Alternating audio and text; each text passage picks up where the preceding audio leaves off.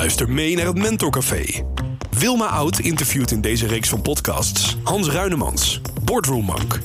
Deze podcasts gaan over geluk, gezondheid en geld. Wat speelt zich af in de bestuurskamers van Nederland? Commissarissen, topmanagers en CEO's krijgen hier allemaal mee te maken. Happiness, health en wealth. Kortom, het woord is nu aan de interviewer en de business mentor. Luister mee naar een nieuwe podcast van het Mentorcafé. Hallo luisteraar, het Mentorcafé hier. Je luistert naar podcast nummer 31 en het onderwerp van deze aflevering van het Mentorcafé is ondernemen in tijden van crisis, maar ook vooral de periode erna. Subtitle: Never waste a good crisis. Want inderdaad, luisteraar, we zitten in een crisis, maar daar komen we ook weer uit. Crisis komen en crisis gaan. Dat is nooit anders geweest. Ook een vastgegeven is, na een crisis is alles anders. Hoe ondernemen we verder na deze crisis? Welke veranderingen staan ons te wachten en op welke manier kunnen we ons daarop voorbereiden, op die veranderingen? Deze vraag stel ik in onze 31ste podcast aan Hans Ruinemans, Boardroom Monk. Uh, Hans, goed om je te zien in onze podcaststudio. Je zit een beetje verborgen, maar het lukt allemaal We kunnen elkaar zo. zien. Ja. ook goed om jou te zien, Wilma. Uh, ja, altijd goed, hè? En ik heb je een tijd niet gezien, hè? Want je bent een maand in Canada geweest. Ja, Hoe was precies. het daar? Ja, heel goed. Um, maar daar gaan we het nu niet over hebben. Aha. Mijn vraag aan jou, nog maar even samengevat, is: hoe staan we ervoor na deze crisis? Op zich is die zin al een mindfuck, hè? Hoe staan we ervoor na deze crisis? Ja, ja. nou, ik hou van mindfucks. Want uh, hoe groter de spagaat, hoe, uh, hoe interessanter het altijd wordt. Nou, uh, ik kan je daar een uitgebreid antwoord op geven als je wil, maar dat hangt een beetje af van de tijd. Ja, nou, deze podcast duurt altijd een minuut of twintig. Dus laten we gewoon beginnen en dan hou ik de tijd in de gaten. Oké, okay, nou ik zal wat het... armgebaren maken als je wat uitvoerig wordt. Ja, dat ziet toch niemand. en soms zijn ze ook wel een half uur, dus oké, okay, goed. Ja. Nou, waar de CEO's, de topbestuurders, ondernemers op het ogenblik heel veel last van hebben, dat zijn natuurlijk de stijgende inflatie. De torenhoge kosten om de zaak draaiend te, te houden. Denk aan de energie. En, laten we het niet vergeten, het gebrek aan goede medewerkers. Dat zijn echt de veroorzakers van deze crisis. En heb je natuurlijk oorzaak en aanleiding. De oorzaak van deze crisis is complex. Al, ja, uh, als het al een complete crisis is, is, want daar zijn de meningen ook over verdeeld. Maar dat het geen hosanna is, dat mag wel duidelijk zijn.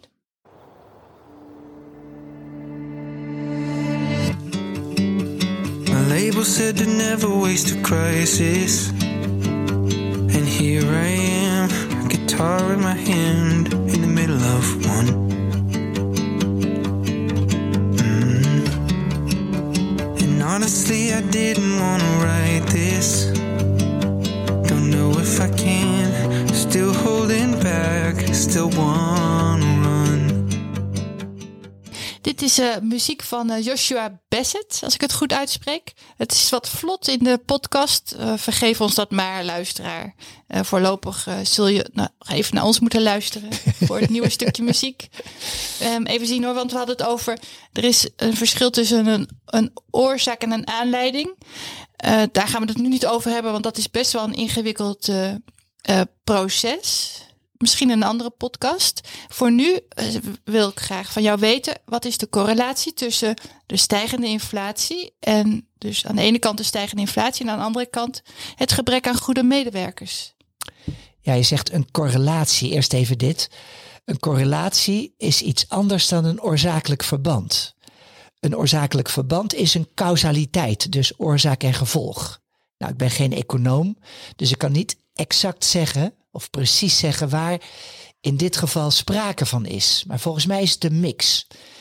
Vrijwel niemand zit meer vastgezogen in zijn of haar functie. Ik bedoel daarmee dat het geen big deal meer is om van baan te wisselen. Werknemers stappen dus vrij snel over als er, als er ergens anders betere arbeidsvoorwaarden te behalen zijn. Helemaal de jonge werknemers. En jong is voor mij, schrik niet, jong is voor mij alles tussen de 25 en 45 jaar. Nou, werknemers, ook de jonge werknemers, voelen zich gedwongen om te kiezen voor de baan die het beste betaalt. Of de baan die van alles de beste zekerheid biedt. Of die de beste arbeidsvoorwaarden biedt. En denk dan bijvoorbeeld aan overheidsbanen of banen bij de grotere en dus stabielere bedrijven. Risico's worden wat meer gemeden op dit moment. Ja, op dit moment. Dus jij verwacht dat dat verandert als de economie weer stabieler wordt. Dat lijkt me een logische ontwikkeling, ja. Werkgevers doen er om die reden goed aan om de voordeur wagenwijd open te zetten en de achterdeur, ze kennen het wel, Ja. goed gesloten. Behoud je werknemers. Ja, je kapitaal. Daar heeft ooit iemand van eh, McKinsey tegen mij gezegd, een van de bestuurders, van mijn kapitaal loopt elke avond tussen zeven en acht, want ze werkte er altijd wat langer dan eh, elders, eh, het kantoorpand uit en ik moet me afwachten of mijn kapitaal de volgende ochtend weer op zijn werk verschijnt. Dus ja, je moet je werknemers behouden. Doe je dat niet, dan zit je straks helemaal zonder expertise. Maar iets anders is dit. Wat over het hoofd gezien wordt, en in deze podcast ja, wil ik dat eigenlijk benadrukken of de aandacht voor vragen, dat is veranderend consumentengedrag. Oké, veranderend eh, consumentengedrag zeg je. Ja, veranderend consumentengedrag. Feitelijk is dat een verandering in het leefgedrag van consumenten. Want dat vindt namelijk sluimerend plaats, nu al. Misschien herken je het van jezelf, Wilma, misschien ook niet. Maar over het algemeen zien deskundigen een grote verschuiving in het consumentengedrag, het koopgedrag van gewone mensen. En, dat moet je even weten, dat staat los van de inflatie op zichzelf is het allemaal heel interessant, omdat het, ik zei het al, omdat die verschuiving aangeeft dat het leefgedrag van consumenten, dus van ons allemaal, veranderd is. Ons leefgedrag is veranderd. Oké, ja. En waarom vraag je daar aandacht voor? Nou, dat leg ik graag uit. Ik denk zelf dat, ja kijk, er zijn nu economische problemen, dat is een vaststaand gegeven. We zitten in die crisis, daar kunnen we niet omheen. Maar op de achtergrond vindt er een verschuiving in het leefgedrag van consumenten plaats. Ik zei het al. En dat veranderende leefgedrag gaat op dit moment een beetje verloren in de chaos van de economie. Van die hoge inflatie, van de toegenomen kosten en de krapte op de arbeidsmarkt. Ja, en je zegt een veranderend leefgedrag. Is dat omdat we allemaal veel meer online zijn gaan leven? Zo na de coronaperiode? Ehm, ja, deels is dat zo, maar deels ook niet. Het gaat trouwens verder dan alleen het online aanschaffen van producten. Kun je iets vertellen over het verander, veranderende of veranderde, voor zover dat al heeft plaatsgevonden, leefgedrag? En waar komt het vandaan? Ja, mijn observatie is dat het al eh, plaatsgevonden heeft, maar dat er nog veel meer gaat gebeuren. Er zijn, dat moet ik erbij zeggen, ingewikkelde studies aan vooraf gegaan, die voor een deel te maken hebben met het vakgebied demografie. Oké, als je nu maar niet uit allerlei rapporten gaat citeren. Eh, ik hou me in. En ik weet dat je er ook helemaal niet van houdt. Het is eigenlijk in deze podcast veel interessanter om ons te focussen op wat je om je heen ziet. Bijvoorbeeld op straat of in je eigen sociale biotoop. Eh, ja, als je erop let. Inderdaad, je ziet het pas als je het doorhebt. Ah ja, dat is Cruyffiaans. Absoluut en onmiskenbaar. Weet je, het opvallendste is dat er sinds de COVID-periode een hele bunch jonge ouders zijn bijgekomen. Oké, de coronababies. nou, nou ja, coronababies. Uh, strikt genomen zou je dat kunnen zeggen. Maar die baby's zijn er niet per se en alleen vanwege de coronaperiode. Weet je waarom? Mm, ja, nee, niet, maar vertel maar. je wil het graag weten, hè? Nou, ze zijn ook geboren omdat er in de jaren 2019 tot en met nu gewoon superveel jonge mensen 30 plus zijn geworden. En uh, je zal het ook uh, om je heen zien in de wijk. Dertigers, ja, dat is nu helemaal de groep met de bakfietsen die kinderen krijgt. Uh, het is misschien ook niet helemaal toevallig dat deze dertigers aan het ouderschap begonnen zijn in of na de coronaperiode. Dat klopt, maar je moet altijd uitkijken met het trekken van conclusies. Ah, daar is Anna. Anna, dat zeg Wat is Anna? Alles nagaan, niks aannemen.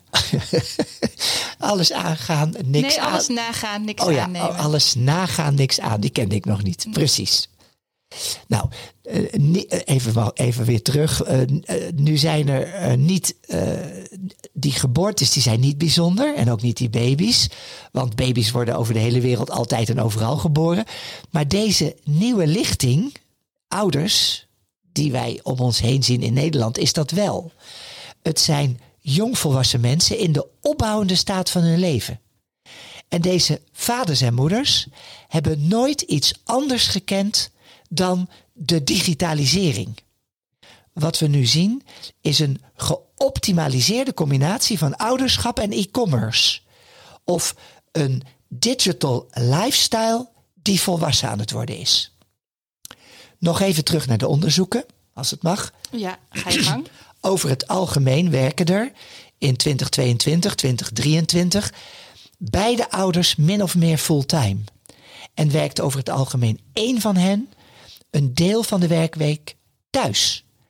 Als je dat vertaalt naar het gedrag dat je op straat ziet, de vader of de moeder bezoekt heus nog wel af en toe wi- winkel met het kind, maar dan als, als ja, eigenlijk meer als een soort gezellige activiteit. Het klinkt gek, hè? Nou, dat zie ik voor me hoor. Want Ja? ik zie ze ook over straat schuifelen met zo'n kindje. En dan. Ja, vooral de grote steden. Hè? Ze gaan naar de supermarkt met hun peuter of kleuter. Ik denk in de dorpen ook hoor. In de dorpen ook, ja. zeker. Daar Ja. leven mensen ook min of meer op gelijke voet. Ja, ja oké. En, en dan zou je dat kunnen noemen. Het gaat dan om de fun shop activiteiten. Ja, fun- ja, ja. ja. Ehm, en ja, ze gaan naar de winkel om het kind bezig te houden. Maar het is wat generaliserend, maar dat is wel wat ik zie. Wat voor, voor wat vergeten boodschappen. Ik kan dat van mezelf ook herinneren toen mijn kinderen klein waren en ik eh, een baan had.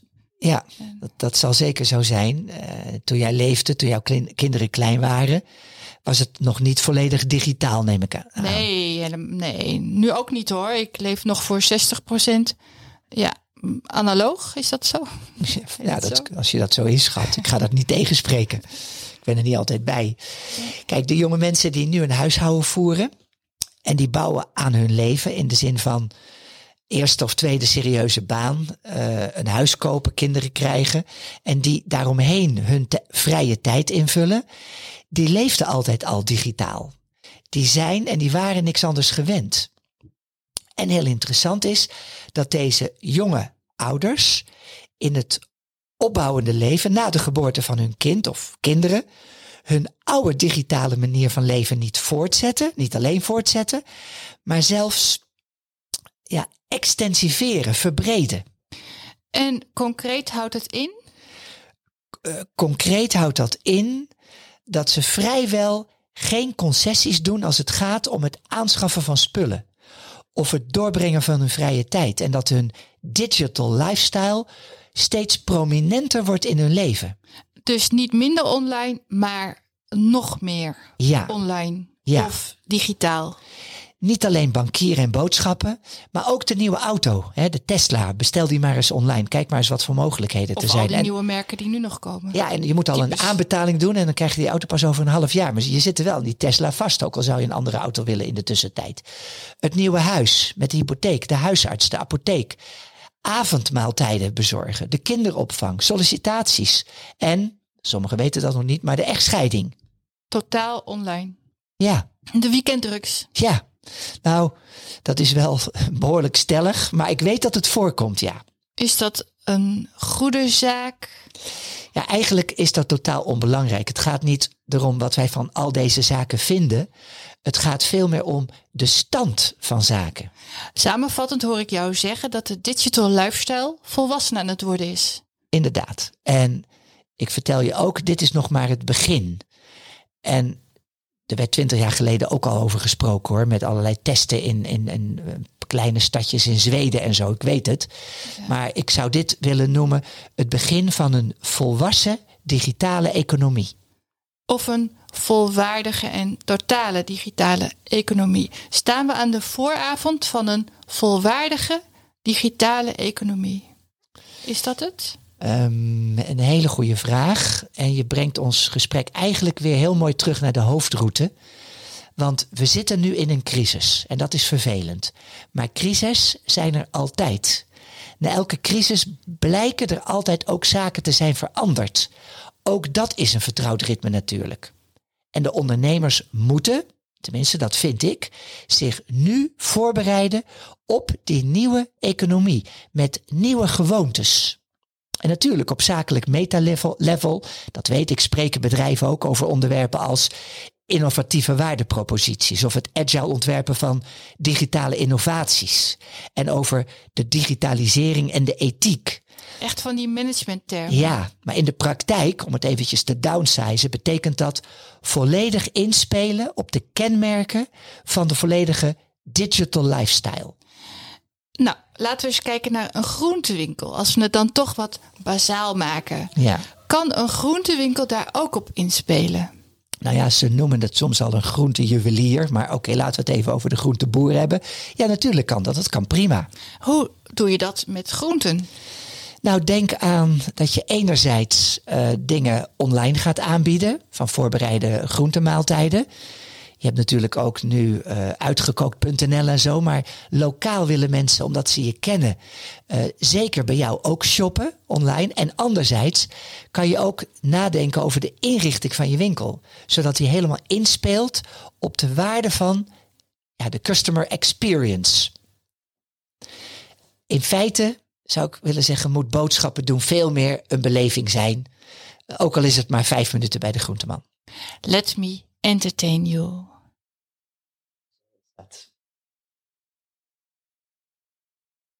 Oh, ja, daar heb je hem. Ik zocht hem even.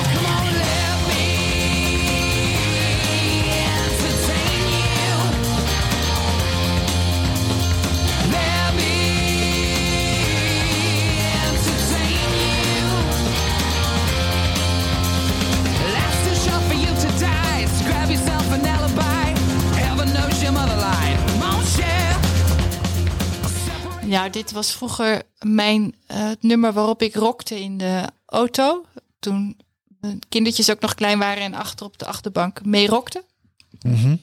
En uh, nou ja, zo kom ik weer terug bij mijn, oude, eigen, mijn eigen ouderschap, ouderschap. Maar ik ga nu weer nu terug naar 2022. En ja, iets anders is dat de nieuwe consument een voorstander is van duurzame producten. Hè? Ja, duurzaam en ethisch verantwoord. En ik verwacht dat dit een steeds grotere rol gaat spelen. Van randvoorwaarden of uh, soms, en dat is mooi meegenomen, als zelfs als harde eis. Ja, want duurzame producten waren eerst wel een beetje zonderling. Ik weet nog dat er in die, in die, van, in die biologische supermarkten vroeger van die toverkollen rondliepen met uh, jute kleding en uh, ongewassen haar. en, en sandalen. Het, ja, Hadden ze ook een bezemstok bij zich. En daarna met het status verhogend. Toen liepen de hippe moeders met een jurkje en van die uks daar rond. Ja. En nu... Ja, Wilma, ik verwacht dat uh, eco-shaming een steeds bekender begrip zal worden. Verspillingsschaamte. Ja, uitbuitingsblamage. Ik voorspel dat consumenten in de toekomst nog meer dan nu willen weten over de herkomst van de producten. Alle consumenten, dus ook doodnormale mensen. Ja, terug naar de groentewinkelier. Bij de maaltijden, de, de maaltijden, ik ga me er nog in verslikken ook, ik heb honger, die dus online besteld kunnen worden en offline afgehaald in de winkel, uh, moeten die dus voldoen aan de waarde van experience. En dan doet de winkelier er dus goed aan om te vertellen waar het vandaan komt en welke ingrediënten erbij uh, gebruikt kunnen worden. Weet je wel, waar die vandaan komen. De speciebonen in dit gerecht komen uit de Noordoostpolder. Ja, of, of zeg maar uit uh, Dronten Zuid. Weet je wel, exact. Ja. Is er nog een kenmerk aan veranderd of veranderend consumentengedrag? Ja, we hadden het over de geoptimaliseerde combinatie van ouderschap en e-commerce. En trouwens, dat geldt niet alleen voor de jonge ouders. Dat moet ik nog even rechtzetten. Hè, hoewel dat wel een hele grote ja, groep is. Een hele grote, of een hele zichtbare groep ook. Mm -hmm. Want we hebben het steeds over de grotere rol van duurzaamheid en ethiek. En dat zijn geen zaken meer die voorbehouden zijn aan excentriekelingen en hippe consumenten. Dat Met UX, ja, exact. Ja. Uh, en een ander kenmerk is de platformisering. Oh, wat een raar woord. Het lijkt me een ander soort consumentisme, om toch maar weer zo'n woord erin te gooien. Ja, dat zeg je nu wel, maar dat is niet zo. Want als bedrijf kun je vaak niet om de platforms heen. Zelfs als je er absoluut niet aan mee wilt doen. Dan nog moet je weten wat zich daar afspeelt en hoe dat gaat. En soms hoeveel commissie je eraan moet afdragen. Dus mijn advies is om de platforms toch te gebruiken. En om die langzaam strategisch in te zetten voor je bedrijf. Ik weet bijvoorbeeld van een van mijn klanten. Die doet heel veel via Amazon. En uh, voor ook een ander aantal andere platforms. Ja, daar draagt die commissie af. En die is dat langzaam aan het ombuigen. Ombuigen als in? Uh, dat hij het naar zijn eigen platform toetrekt. Oh ja, en hij uh, exporteert over de hele wereld. Ja, ja dat begrijp ik. Ja. Maar zo'n groenteboer, die kan niet een eigen platform.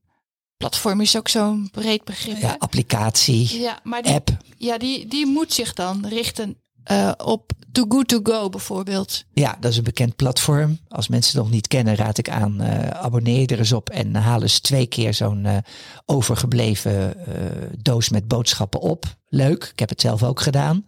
Tot en met hotels in de, nadat de ochtend ja, breakfast is geserveerd, kan je dat doen.